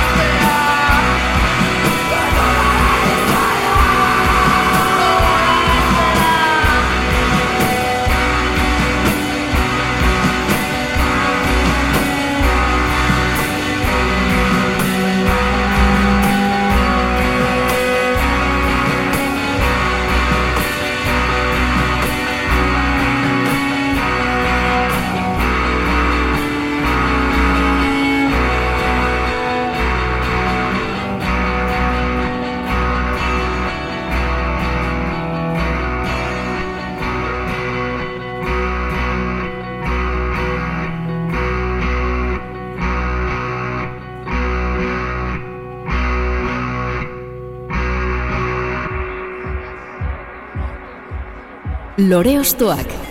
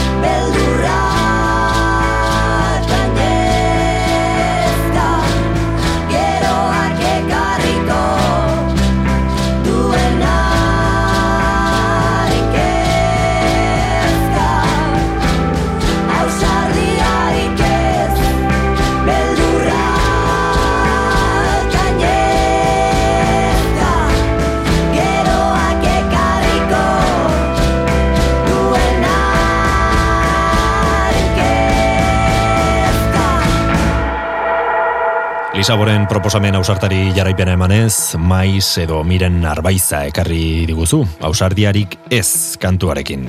Zer azpimarratu nahi duzu, artista honetaz edo kantu honetaz? Ba, ez dakit, egia gateko, uh, nahi nuen azken diskako lautadatik hartu kantaban, normalki, uh, zinez kriston diskazua idutzen zaidalako, baina kanta hau badukan ere Spotify uh, zerrendan, eta askotan basatzen zait, eta aldi oro hasten denean, uh, osardiarik ez, ba, gustatzen zait pila bat, bez, pentsatzen hau da ide, ideia, ez da bakrik aipatzea gure bizitzan importantak izan diren kantak, baizik eta ba, importantak ikusten ditugun kantak, ez? Eta osarderik ez da, kriston temazoa, iruditzen zaitzu superguna, e, beraz zen aukera ere, hori, bizkat, keinu bat egiteko mireni, eta baita ere Joseba eta azken finean Joseba Belonoa eh, bere taldearen partea da. jotzen Et, hori da. egon zen, Azken bera, finean, eh, iduitzen zait kanta honetan, ba, e, zakit, Josebarekin jo duten jendentza bederen ero, badela Josebaren tokea ere, eta beraz iduitzen zeren polita ere kanta hoa ezartzea, eta bai, horretaraztea Joseba izan zela ere Hori da, taldeko kidea, da, hori da. Eta izan zela kriston, kriston, kriston uh, uh, berarekin jotzea eta kontzertutan pasatzea, eta dena hasi zen uh, Nil Jongi uh, egin zion omenaldi batean, uh, Joseba gomitatu zuten uh, izar eta star Bai, zikloaren Bilbon, kari egiteko Kafe antzokian. hori da, Jose, eta egin behar zen Lil Jongen eh, bertsione, kontzertu bertsionea edo eta berak izan zuen, bueno, ba, behar dut nire krezi horza eta etorri zen gure bila eta eta hau, kristono erea izan zen eta bueno, beti bezala eh, un- humanuki biziki ondo pasatu zen eta beraz, ja, ez genuela oraindik amaitu eh, Lil Jongen proiektua ja aipatu genion taldean sartzea gurekin eta zenbat denboraz egon ginen eh, bost taldekide, Rafa egon zen ere eta, eta Joseba ere eta eraz batzutan kantatzen nuen gitarrari gabe eta beste batzutan hiru gitarrak genitun eta eta hori 2008a bukaera arte edo. Eta gero ba, berriz mm, deskantso bat hartu genuen taldearekin eta botatzean Rafak erabaki zuen uh, ustea, ez egitzea eta beraz, hor, Josebak segitu zuen oraindik ba, tabura araza diska egiteko eta gara jortan eta bira, bira osoa ondotik eta oso, oso ondo egon ginen berarekin. Baina ez ginen berataz mitzatu gara, eta miren eta bizaz. eh? Ba hori, ez dut gauza askorik esateko, bai, nik betidanik flipatu nuela, hori napoka iri aipatu, aipatzen genuen uh, anklatikat, ba, hau da, kriston, anitza izmaitatu nuen uh, uh, talde bat, eta batez ere haien egin zuten haien dis, azken diska, uh, izena zeta izan zen, baina bai, uh, um, beran uh, egin, egin zuten, eta eta uh, borrokaneko ibaik bortzarekin, eta diska hau da zinez asko, asko, asko maitatu nuen, eta asko entzun nuen, eta gero, ba, segitu nuen ere pistatik zen, eta iduitzen zen super hausarta, justuki, eh, bere bidea bakarrik egitea gero mirenek, eta hasi zen nolako bide denik bakarka gitarrarekin eta hori, eta orain ikustea ze kriston taldea montatu duen, eta ikustea ba, bera gertzen dela ere orain gitarrari gabe eh, zenatoki erdian, zinez olako front woman bezala. Bai, bai, guztiz. Ba, iruditzen zait kristona urratxo hori pasatzea, eta zakit, hor ere berriz ere da historio hori ban, eh, bat egitea sentitzen duzunarekin eta izatea zuzarena, ez? Zuzeuzarena onartu eta asumitu eta, eta iruditzen zait aldibide bat hortarako miren. Eta maizen hau txederari beste emakume ahots batek helduko dio orain. Si, nisten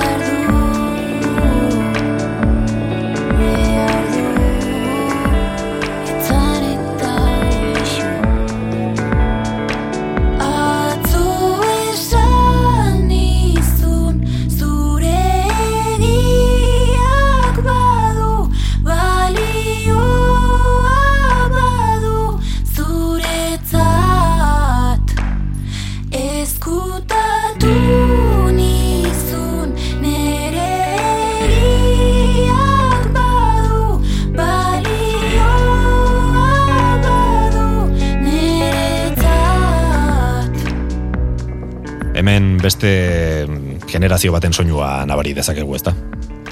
Bai, eh, argi da, eta nabari da soinuan, produkzioan, eta eta hotxaren soinuan ere, ez hori hain, hainbeste modan eh, den soinu hori, baina bueno, eh, ondo erabilia da, eta ez dut hori ikusatzen zaitena Sara Zozaiaren musikan, ez dut iruditzen zait gusto honeko honeko honeko neska dela eta eta gustatzen zait zaizkita initz hartzen dituen erabakiak ba ekoizteko momentuan melodien eh, sortzeko eta eta abar hor ere bazen aukera horren txatera du diska berria eta izango zen aukera diska hortatik kanta bat ateratzeko baina ez dut oraindik asko asko entzun eta beraz nahiago nuen egon ba, benetan asko asko maite dudan kanta batekin.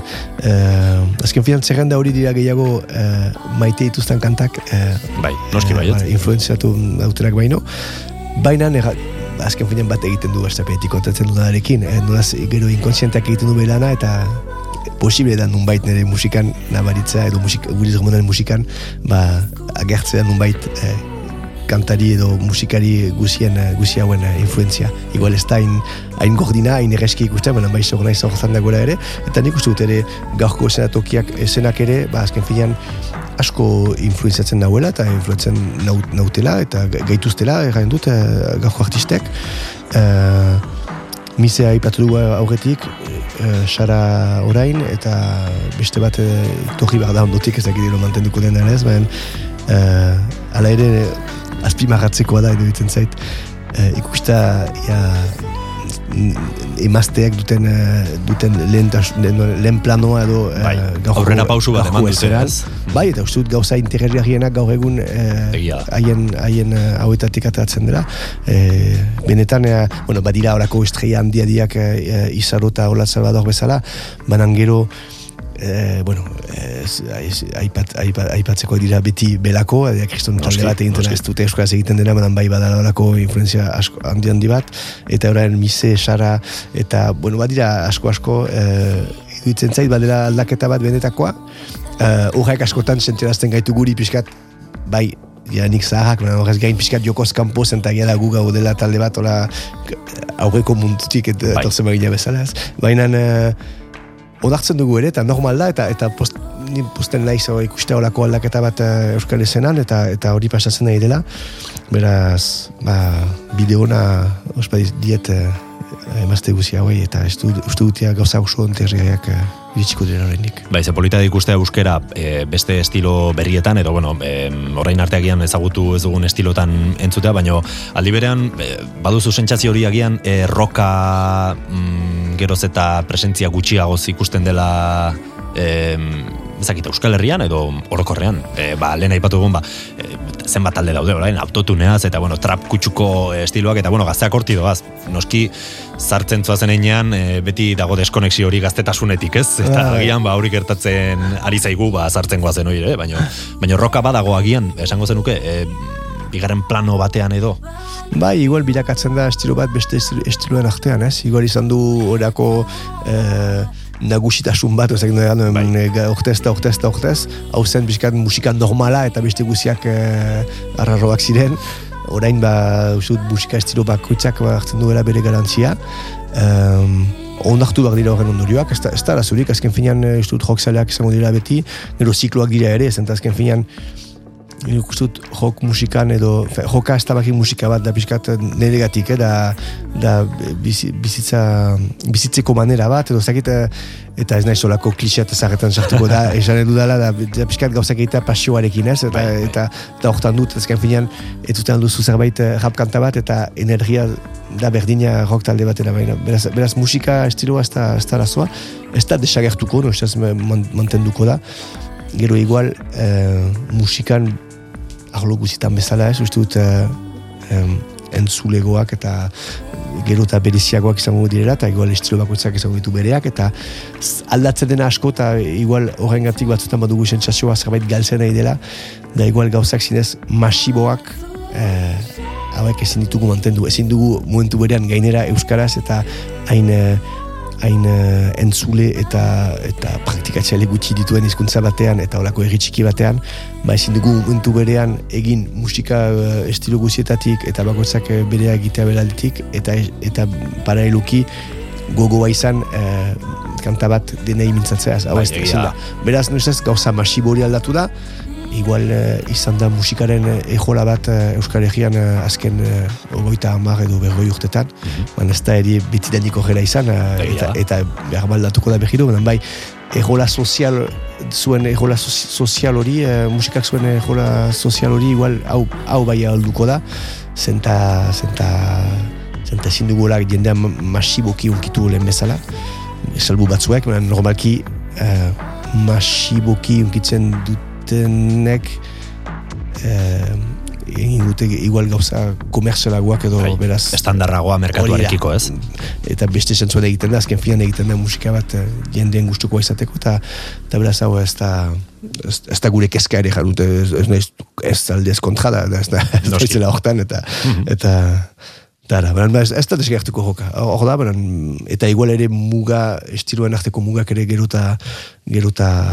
finagoak izango dira desgertu arte, eta eta orain hasi da jadanik, beraz ez dut, ez dut gaizki gusten hori, eta zerbait transmititzen bada musikaren bidez, edo zen musika izanki, nik nire, nire Spotifyko zerrendan azken finan eh, joko gutxi izango da, eta segitzen dut joka egiten, beraz, ez da... Ai. Kompatiblea dira, Bai. azken finean. Noski. Eta gaur egungo estenatik beste proposamen hau ere ekarri diguzu.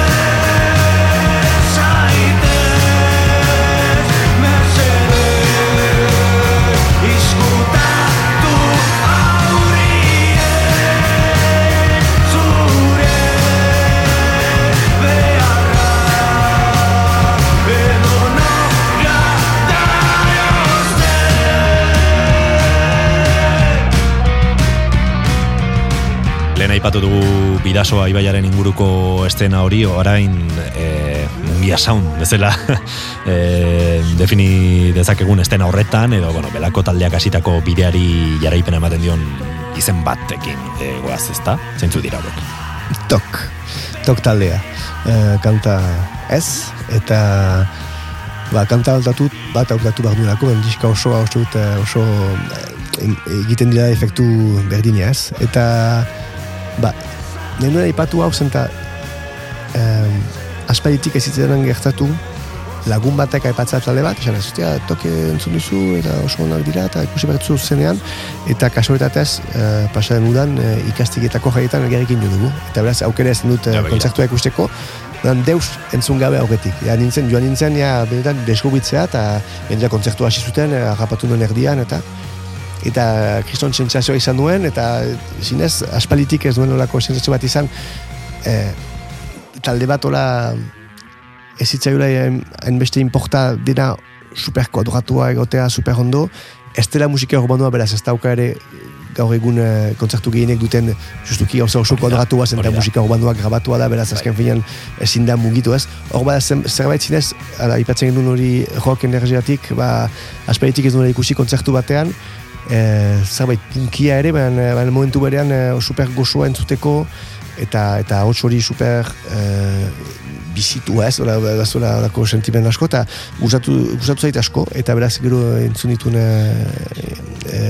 etxean eta eta diska osoa oso nahi ditu zitzaidan beraz bai aipatu nahi nuen, simpleki, ba, justuki, askotan erraten delako eh, roka hil dela eta sakitze, eta badirela kriston taldeak, igual, ba, talde ona denean, ba, ala ere, jok, joka egiten badu ere, ba, ala ere, ateratzen da ta- taldetik eta entzut, entzuten da, entzuten da nagusiki. Mhm. Eta badu berezitasun hori tokek, ez? E, soinu gordina, basan duzu punk, punk e, aktitude horrekin edo, baina aldi berean oso freskoa da, oso e, harmonia zaleak dira, e, Bai. badu nasketa berezi hori, ez? Bai, eta kantu batean ere autotune hori Hori da. dute, eta azken finean usut hau da belaunaldi berriaren uh, gauza, da ez da importa gauzak nastea, eta ez, eta, eta oso ondo da alde honetatik, e, musika honaren bada go, mugitzeko goa ematen badizu, edo negar egiteko ematen badizu, eta eta letra interesgarra behin bada, aurrera, esan dut eh, hori, erakusten dute zerbait oso freskoa, justuki, iduitzen zait ere, hau da sensazio bat beti, ban,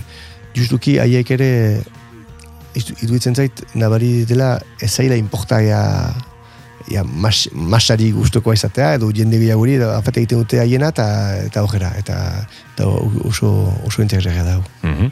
2008 bateko zirazun albumetik e, entzun dugu tok taldearen ez, Willis Drummond taldeko jurgi ekizari ba, kantuz kantu, ostokatzeko proposamena e, egiten ari garen honetan, eta guztiz biluzteko azken kantu bat eskatuko dizut. Bai, eta hau izango da, ba, berriz ere eh, emazte baten eh, hotxarekin, taldea ez duen ezagutzen, ez duen entzun ere, eta hor, ba, eh, batzuek eh, pentsatuko dutela eh, Spotifyen sponsoria, sponsorizatu nahi zela, ba, ez da bat ere hola, eta badakit eh, Bueno, artista, egun- artista bezala gainera ez dela bat ere, eh, nola jatatzen gaituzten ez dela bat ere ongi eta Hor hori. kontraesanak, ez, Baina, ba, entzule eta hori artista bezala bai. Eta guztiz. entzule bezala, eduitzen zait kristona, ba, ez dut sekulain, azken urtetan baino musika gehiago entzun, eta musika ezberdina, eta, eta bueno, nire, nire zerrenda, olako orain zerrenda inteligenteak hauek egiten dituztenak, ba, momentu batean, eh, proposatu diate kanta hau, hasi da igotzen, eta iesateko antelatik atere aipatzen genuen eh, Paskari Rigoien eh, iparaldeko artist, eh, musikariak, eta berak eta bilau proiektuan parte hartzen zutena, eta hasi zenean uste nuen bilau zela, eta gero hartu nintzen ahotsak ez zela bat ere bilauenak, eta nintzen, ostia, igual Paskalek parte hartu du eh, komposatzeko kanta hau, eta bazuen bere, beretan Bai, bere estiloa edo, kutsu hori. Eta aipatu nion, eta ez ez bat ere. eta, eta beraz, kantu hau entzun nuen, eta zinez, aldi oro agertzen zaidenen zerrendan ere, ba, super ondo, eh, super ondo pasatzen dut, eta gustatzen da pila bat. Em, eta horrez gain, batzutan ere, ez dut bat daudela horako seinaleak, kantu hau entzun nuen, eh, beraz, eh, ez dugu aipatu ere, ben, taldea la pimpi, da. eta e, e, kanta hau entzun nuen, deus ezagutu gabe, biratu nuen bizkat interaten, eta ez duen deus e, aukeratu momentuan, e, atseman momentuan, eta bakarrik matatu nuen la kanta, eta aipatu nuen e, lagun bati justuki e, erran, festival feminista bat antolatzen duena iparaldean, eta izan duen, ostia, eto gara ziberetu zauek, eta berak izan zen, ah, nik ezagutzen ditut aspalditik, eta eta gero bitartean parailoki ere hilabete hontan grabatu dut espalak taldearekin e, kanta bat e, orain aurkezten duten e, diskaren zat, gomitatu batzuekin. Bai. Eta arat iristean esan zen, eta, atzo etorri da, zut, aneretzen dela, baina, eh, Bai, pinpin, pinpinin buzizeko kantaria gurekin atatza, eta nintzen, ostia, hau, Olako bi astetan eh, hiru gabe, persona eh, ezberdinak aipatzen zaitu, zerbait, da zerbait pasatzen nahi dela, eta beraz, espero dut ja, ja ondo ikusten dela, eta, eta gauzak ederrak egingo dituztela. Mm. bai, kanta hau bereziki oso oso ona iruditzen zait. Euskal Herria eta Katalunia elkartzen dituen Ane Barzena eta Raquel Pagesen proiektua da Pinpilipusis, 2019an aurkeztu zuten beraien debuta, eta 2022an itzuli ziren hipokondria lanarekin. Bertatik ekarri digu Jurgi Ekizak, bere azken lore ostoa. Dea zortzi de.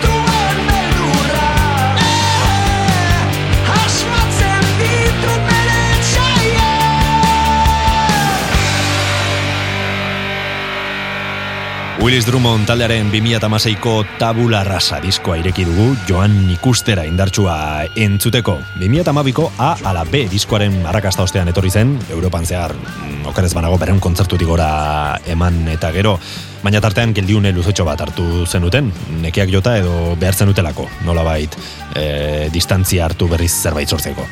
Hori da, da pixkat gaur egun pasatzen eguna ere, ez dugu aipatu eh, aktualitatea, benan bai hortan gaude, ba, bizitu zan genuna 2008an, eh, 2008an, eh, gertatzen nahi zaigu orain, eh, sentitzen dugu beharra galditzeko momentu batez, eta eta arna sartzeko, eta jakin gabe ja bueltatuko beren alez, ideia da bai bueltatzea, benan ez dugu deus jakin nahi aurretik, askotan hori gaten dugu orain, baina ez du balio pausa bat egitea, bain badakizun ez bueltatzen zaren, beraz, bestaz, ast- pas- pentsatzen duzu zure pausa guzia, zure itzuleran pentsatzen, ez? Beraz, gure idea da orain eh, gelditzea garai batez, eta eta ikusko dugu, gogoa bueltatzen bada gero ba, musikak sortzeko eta ensaiatzeko, eta bar, ba, ba, berriz elkartuko gira eta berriz esko gira, eta, eta ez bait zorela, ba, utziko genuke ora, lotan, esango dugu. Hori oso Willis Drummond da, ez? Momentuan sentitzen duzun hori egitea. Bai estilistikoki, bai e, horrelako autuak hartzeko garaian, ez? Ikusten dutenaren arabera, ba, zuen izaera mm, horrela da, ez? Bai, denborarekin alare ikasi dugu pixkat eh, epeak errespetatzen, ez izateko la, orain usten dugu eta Bai, bai. la ere bira amaitu, zakitzik gauzak antolatuta. Bai, modu egokian egin, ez Bai, hori da, gauzak ba, batez ere errespetuz ere eh, zurekin lan egiten zuen jendeentzat, Bai. eta jendearen zat, eta publikoaren zat, eta bar.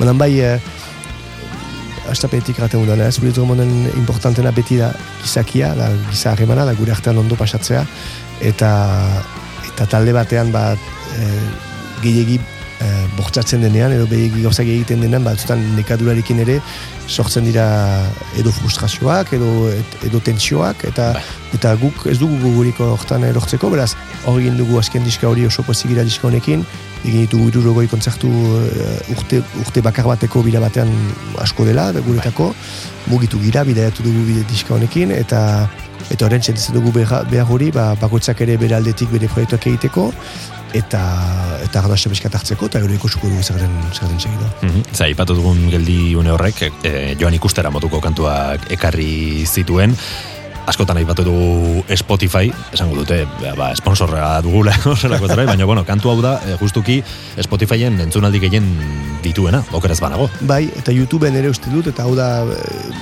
gure kantuan artean eh, gehien entzuten, entzun dena, eta zuraski fama, famatuena Bai. edo bai. Eta, Entzunaldiena aldetik, behintzat. Ba, bai. Ez daki hori ez, ezingo dugu sekuren jakin zertako, ez musikaren gatik den, edo hautsaren melodiagatik, edo letragatik, edo ba, hola da, izan zen ere garaian atera genuen lehen bideoa, eta 2008 arte bideoen kontra ginen, ez genuen, bai. ez genuen bideorik egin naiz, eta musika musika zen, eta ez dakitze. Eta horratxo hori egin genuen kanta honekin, beraz, igual ere horrek ere, eta justuki geldi aldi eta, Bai. eta gero voltatu ginen diska honekin, eta beraz izan zen bizkat, eh, ustez, holako mugimendu bat kantu horren inguruan, eta gero zuzenekoetan beti funtzionatzen du ere, beraz, eh, ai, bai, eh, hau da, gehien entzuten den kanta bederen eh, s- plataformetan. Mhm, Bueno, ba, jarraituko dugu entzuten Jurgi Ekiza Willis Drummond taldeko abeslari, gitarra jole eta letragilea plazara izan da zu ostokatzea. Eskerrik asko nire gonbita onartzegatik eta Esker honetagatik. eta ona etortzegatik beraz e, zorte honen mendik aurrerakoarekin eta horre egongo gara entzule fin moduan zuek zer egiten duzuen zain. Eskerrik asko. Ondo izan. Eta zuri ere entzule, mila esker beste alde horretan ba, bide lagun izateagatik, hurrengoan gehiago. Willis Drummonden joan ikustera entzunez, bagoaz. Ondo izan, eta urren arte.